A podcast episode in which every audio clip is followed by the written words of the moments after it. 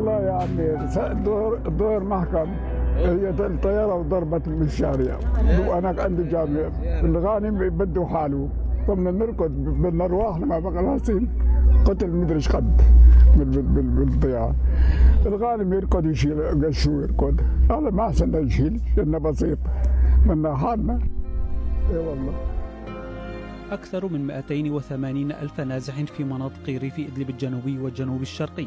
يواجهون اليوم مصيرا مجهولا لا سيما بعد انسحاب المنظمات الإنسانية من المنطقة ومع غياب المساعدة الإنسانية وعدم توفر مراكز إيواء لهم في المناطق التي يحيطون فيها في ظل وضع معيشي كارثي.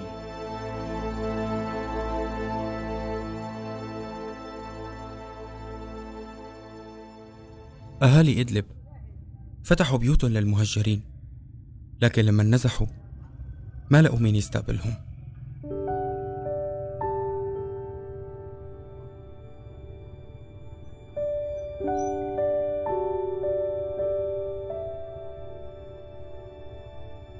أهلا فيكم ببودكاست بين الناس. أنا تيم سيوفي محافظة إدلب صارت وجهة للنازحين من سنة 2016 ومن وقتها استقبلت ما يقارب 400 ألف نازح من مختلف المحافظات السورية بحسب مصادر محلية داخل المحافظة. كتير أهالي بإدلب فتحوا بيوتهم للمهجرين دون أي مقابل ومنهم كانوا يعتبروا أنه تحصيل إيجار البيت من المهجر عيب. لكن بعد حملة القصف يلي شن النظام السوري بالتعاون مع حليفه الروسي بين 2019 و 2020 دمروا فيها مئات البيوت وسيطروا فيها على عدد كبير من المدن والبلدات. أدت هالحملة لنزوح آلاف العائلات من ريف إدلب الجنوبي إلى الريف الشرقي. أحمد باكير محامي استقبل ببيته بمدينة سراقب عدد من العائلات المهجرة دون أي مقابل لكن تهجر للمجهول وواجه صعوبة كتير كبيرة حتى أخيرا حصل على بيت بالإيجار بمدينة عفرين بريف حلب. خروج كان آه، ضمن حالة رعب لأن الطيران كان يستهدف المنطقة بكافة الأنواع سواء الحرب الرشاش أو السيخوي أو غيرها. أغلب الناس اللي طلعت ما كان محدد عندها هدف مسبق وين رايحة يعني. كان بهمها بس تطلع من تحت القصف. في ظل آه، انقطاع كمان لوسائل النقل يعني كان بصعوبة حدا يحسن يأمن سيارة أو سائق سيارة يدخل على المنطقة. يشيل الناس ويشيل الأمتعة القليلة اللي أخذوها معهم. طبعا لم يكن هناك أي شخص باستق... أي جهة أو شخص باستقبال هاي الناس المهجرة في أي منطقة. علما أن التهديد بالتهجير كان مسبق ومرت فترة طويلة وفترة التهجير استغرقت كمان فترة لا بأس فيها. يعني الناس ضلوا يطلعوا حوالي 15 20 يوم خروج متواصل فما كان حدا في استقبال آه، هاي الناس. خلافا لبعض الشائعات اللي آه، بتبثها بعض الجهات الرسمية طبعا. حتى في مركز مدينة إدلب على سبيل المثال هناك عدة حالات آه، ناس ناموا في الشوارع وناس ناموا في المساجد. واللي حل المشكلة هن الأهالي نفسهم. يعني اللي كان آه، مأمن بيت مسبقا استقبل عدة عائلات. لذلك كان في تكدس بالعائلات يعني في البيت الواحد أو أحيانا في الغرف الواحد يكون في ثلاث عائلات أو أربع عائلات. بعض الأهالي بالمناطق الآمنة نسبيا من القصف بريف حلب وإدلب المدينة استغلوا تزاحم المهجرين لرفع قيمة أجار البيوت. ووصل أجار البيت بالشهر للعائلة الواحدة إلى 230 دولار أي ما يقارب 300 ألف ليرة سورية. علما أن هناك عائلات قبل النزوح دخلها ما بيتجاوز السبعين دولار شهريا. الغلا عم يصير دون أي محاسبة أو اعتراض من قبل الجهات المختصة أو حكومة الإنقاذ اللي فرضت حكمها على محافظة إدلب. بالنسبة لموضوع الآجار بيختلف طبعا من منطقة لمنطقة. آه، الآجار عموما كان غير منطقي وغير واقعي والضعف آه، عشر أضعاف وربما أكثر في بعض المناطق. استغلوا آه، هاي الموجة من نزوح حاجة الناس واستثمروا هاي الحالة للأسف طبعا. في منطقة إدلب مثلا المدينة وأرياف إدلب وخاصة جيل سلقين وحارم وكفر تخاريم وهي المناطق كان استغلال جدا بشع. آه، طبعا السبب بالنسبة لنا هو أنه هاي المناطق بالأصل هي ليست مناطق ثورة إنما مناطق تم آه، إخراج النظام منها ولم تسر بالأصل. لذلك كانت آه، في عملية احتكار. وفي كره حتى للمهجرين اللي هو أهل هاي المناطق بيعتبرونا آه، نحن السبب في هاي المشاكل اللي صارت كلياتها. يعني وضع الثوري هو اللي أدى لهاي النتيجة. وعلى سبيل المثال في مركز مدينة إدلب آه، رغم المناشدات كثير من الأهالي من المهجرين لحكومة الإنقاذ اللي هي سلطة الأمر الواقع أنه تتدخل في تحديد الأجور. لأن الحكومة ما استجابت. طبعا لسبب بسيط أنه الحكومة لها مصلحة في رفع الأجار لأنه عندها دائرة تسمى دائرة الغنائم. دائرة الغنائم اللي بتضع إيدها على كثير من البيوت والمحلات. لها مصلحة هاي الدائرة بأنه تكون الأجار غالي آه، فلذلك ما تدخلت لأنه كانوا عمال بيستفيدوا من, من هذا الموضوع. هذا بما يخص الأجار في منطقة آه، أدلب بشكل عام. أما بريف حلب فوضعت الفصائل المدعومة من تركيا يدها على قسم كبير من منازل عفرين وريفا ومنعت المهجرين من البقاء فيها وفي فصائل طلبت مبالغ مالية كبيرة مقابل إخلاء منازل للمهجرين. أما في منطقة آه، ريف حلب. فكمان نفس الكلام الأجار كان مرتفع جدا قياسا المرحلة اللي قبل التهجير. يعني إضافة لوجود ظاهرة هون مختلفة عن آه، ظاهرة إدلب هي ظاهرة بيع البيوت. بمبالغ من 1500 دولار فما فوق. طبعا البيع ما هو بيع آه، نظامي لأنه هو بيع من واضع اليد وليس من مالك. ليس من مالك العقار وإنما من واضعي اليد. آه، عم يبيعوا البيوت بهذه الطريقة. حوالي 20 مهجر أصيبوا بالجلطة أو السكتة الدماغية آخر سنتين. لعدم قدرتهم على تأمين إيجار منزل يسكنوا فيه هم وعائلاتهم. إضافة لثلاث حالات انتحار لأرباب أسر مهجرين. وكان السبب المباشر عدم استطاعتهم حتى تأمين الطعام لأطفالهم. عموما الناس وقت طلعت كان في معهم آه، بعض الأموال اللي كانت موجودة بين إيديهم آه، حسن يأمنوا الدفعات الأولى بالأجارات. طبعا بعد ما خلصت هاي الدفعات وفي ناس نتيجة إنه ما قدرت تأمن آجار في أكثر من حادثة آه، وفاة كانت بالجلطة. وفاة كانت بالجلطة لأنه صح رب الأسرة ما كان يحسن يأمن البيت. وهاي الحوادث معروفة طبعا حدثت في آه، في الباب وحدثت في عزاز وفي عدة مناطق. آه، نتيجة ضغط المؤجر على المستأجر من المهجرين وعدم قدرته على تأمين الأجار فأصيبوا بجلطات. أربع ملايين نسمة ضمن إدلب. قسم كبير منهم نزح بسبب القصف. هالنازحين بيفتقدوا لكل مقومات الحياة.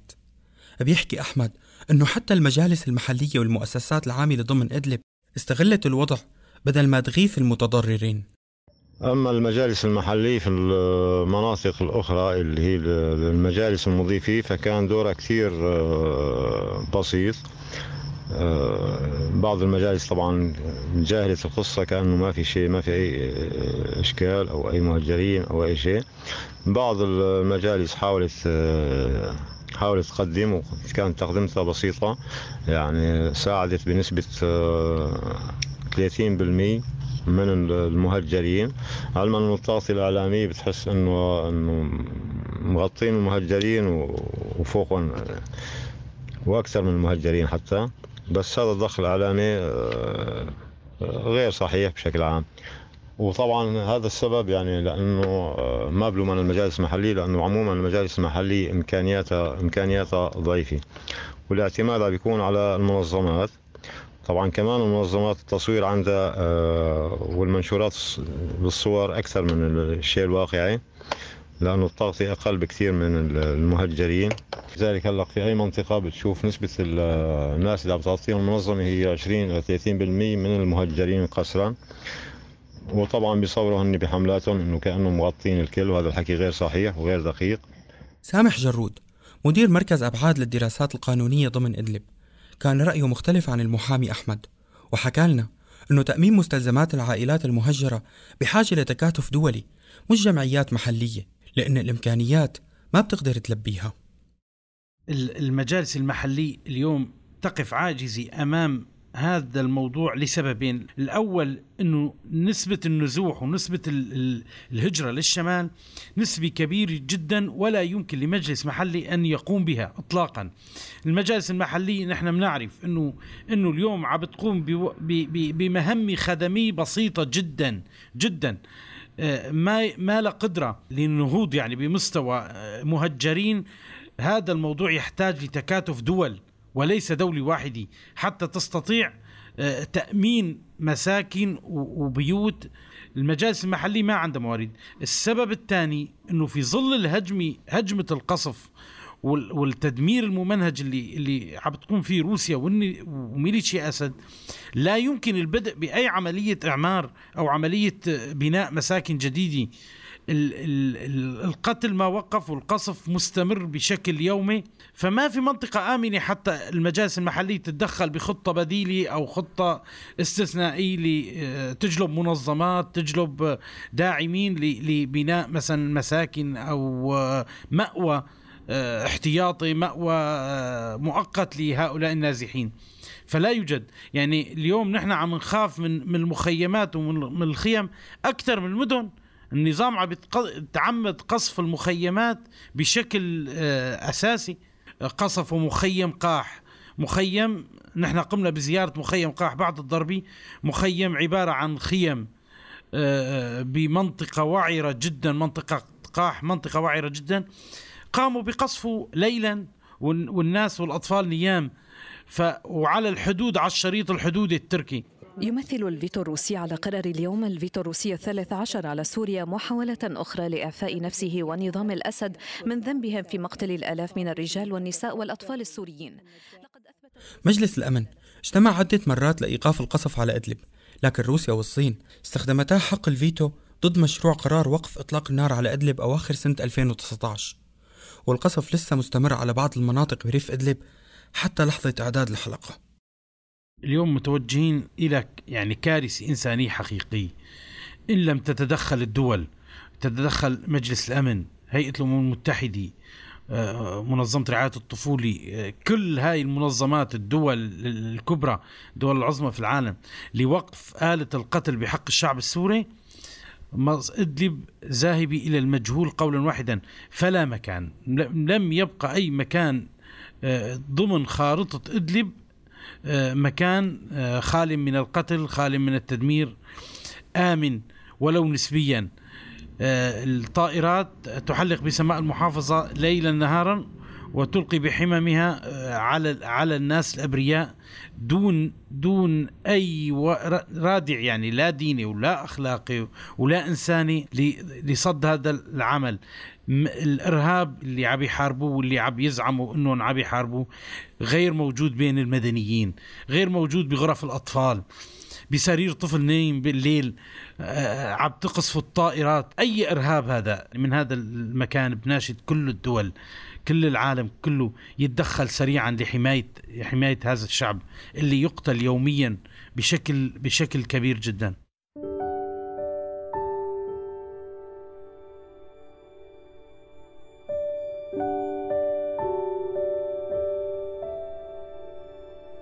النزوح والتهجير هي بداية للكوارث الإنسانية والأخلاقية يلي يمكن أن تظهر على المهجرين بعد فترة من الزمن. نتائج هالكوارث تتمثل بزواج القاصرات وعمالة الأطفال والسرقة والقتل وإدمان المخدرات. وللأسف بدأت بعض من هالظواهر تظهر بإدلب. عم يترافق هالشي مع استمرار القصف من قبل النظام السوري على مناطق تواجد النازحين لقتل وتشريد كم أكبر من البشر. بظل صمت دولي تام حول كل المجازر السورية. كنت معكم بالإعداد والتقديم تيم سيوفي أنتج هذا البودكاست بدعم من مؤسسة هاينريش بول